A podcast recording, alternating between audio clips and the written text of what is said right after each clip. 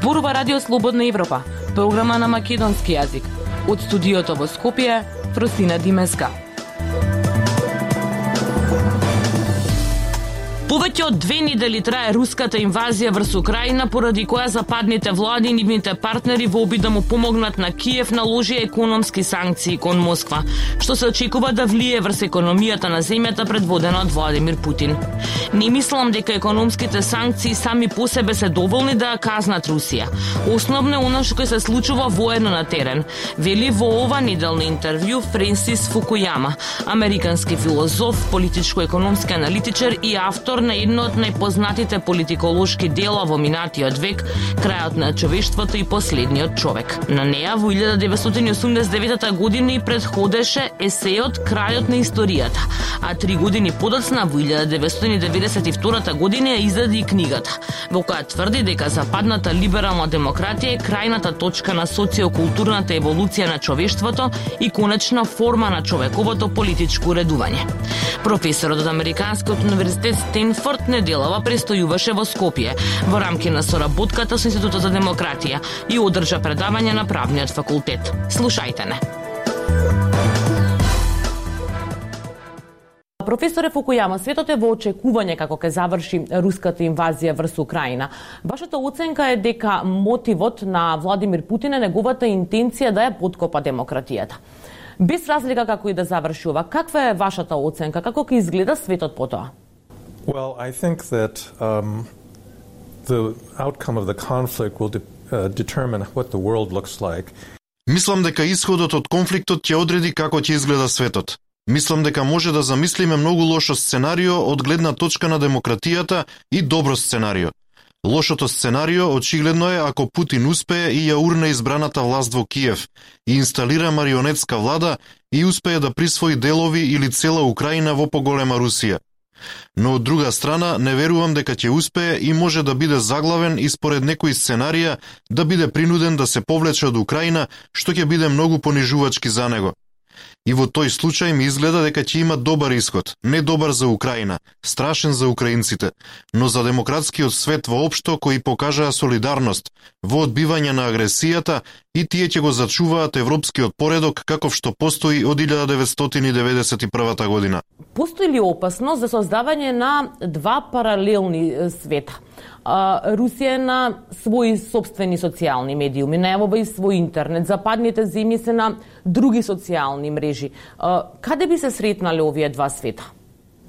Well, I think that the Russians are already trying to separate themselves from the the western Мислам дека русите веќе се обидуваат да се одвојат себе од западниот интернет и од западниот медиумски свет. Секако инвазијата и сите санкции кои следуваат ќе го забрзаат тој процес. Мислам дека до некоја мера ќе се обидат да се приклучат на некој начин на кинескиот.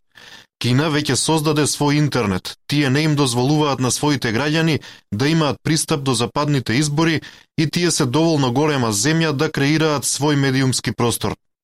Русија може да се приклучи на тоа, но јас не верувам дека тие сакаат да бидат помладиот партнер на Кина во таков поглед.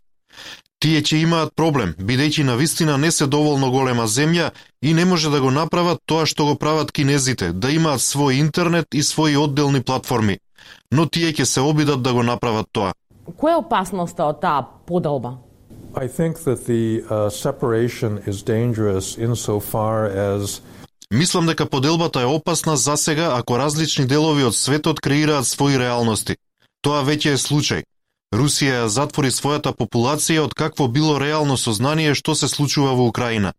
Им кажува дека се работи за ограничена воена интервенција, дека не е војна, не е инвазија. Украинците нема да бидат повредени и како резултат на тоа, многу руси веруваат дека ништо погрешно не се случува. Тоа одвојување и изолација очигледно ќе продолжи. Прашање е дали е можно, бидејќи ќе има мајки чии синови нема да се вратат дома, бидејќи биле убиени во Украина и дека ќе има многу информации кои ќе протекуваат, бидејќи на вистина технолошкиот свет овозможува на вистина да биде тешко да изолирате цела земја. Ќе биде опасно, но има ограничувања колку може да се оддели. Актуелности свет на Радио Слободна Европа. Професоре, вашата оценка е дека либералниот свет каков што постои сега не треба веќе да се зема здраво за готово, туку дека се работи за постојана борба. Истовремено се повеќе луѓе ни светот се воодушевуваат на авторитарни лидери. Колку сето ова ја прави таа борба потешка и постои ли опасност за иднината на демократиите во светот? I think one of the biggest changes that's happened in the past few years is that Мислам дека една од поголемите промени кои се случија во последните неколку недели е како дополнение на оние геополитички закани како Русија и Кина, многу демократии сега имаат и внатрешни закани.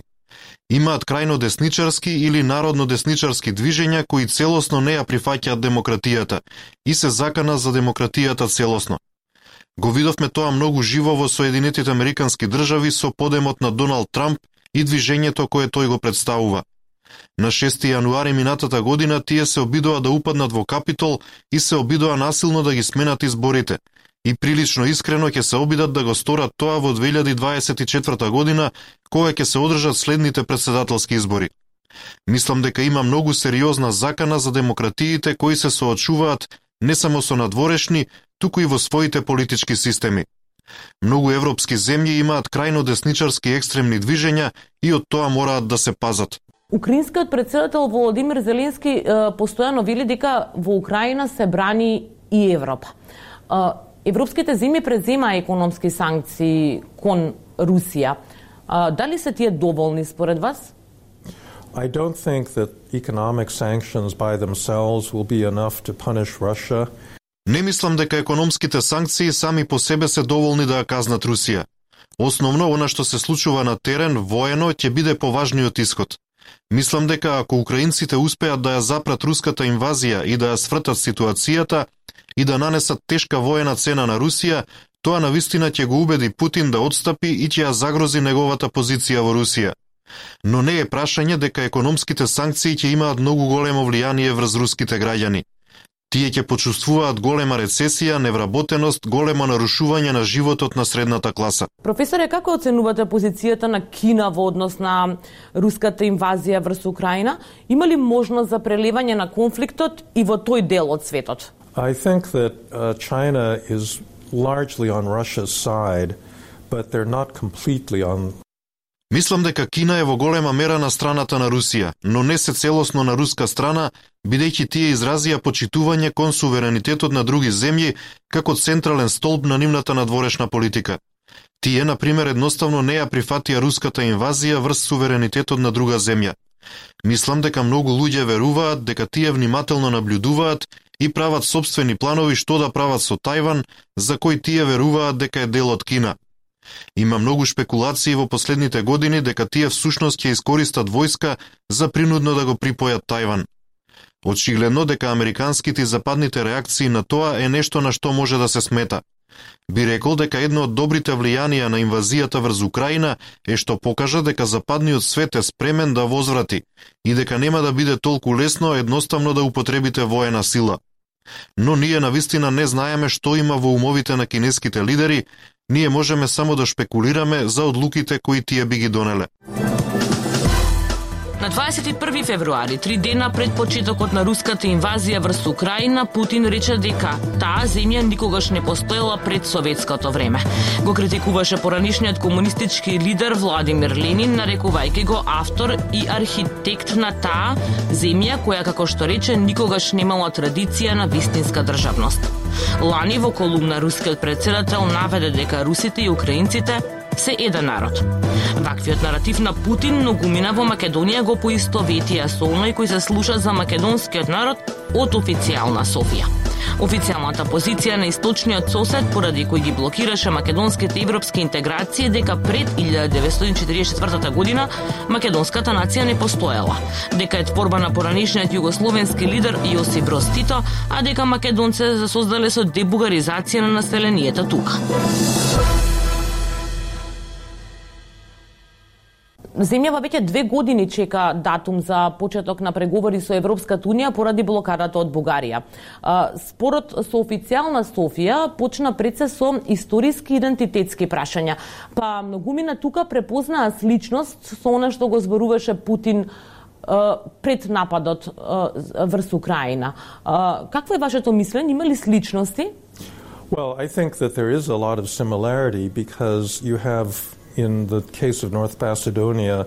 Мислам дека има многу сличности, бидејќи во случајот со Северна Македонија, една земја, поголема земја, се обидува да го негира македонското право да го одреди својот национален идентитет на поинаков начин, со поинаков историски наратив од оној во Бугарија, и тоа навистина е иста работа со руските тврдења во однос на Украина. Јас мислам дека основниот принцип на двете демократии и меѓународните односи е дека сите луѓе треба да бидат слободни да си го одредат својот собствен наратив и тоа да не биде диктирано од други земји, од други поголеми земји кои сакаат да им кажат различни приказни. И мислам дека од таа перспектива е доста слично. На Балканот Белград и Приштина имаат отворени прашања. Ситуацијата во Босна и Херцеговина е доста комплицирана. Каква е вашата оценка? Има ли опасност од прелевање на конфликтот на Балканот?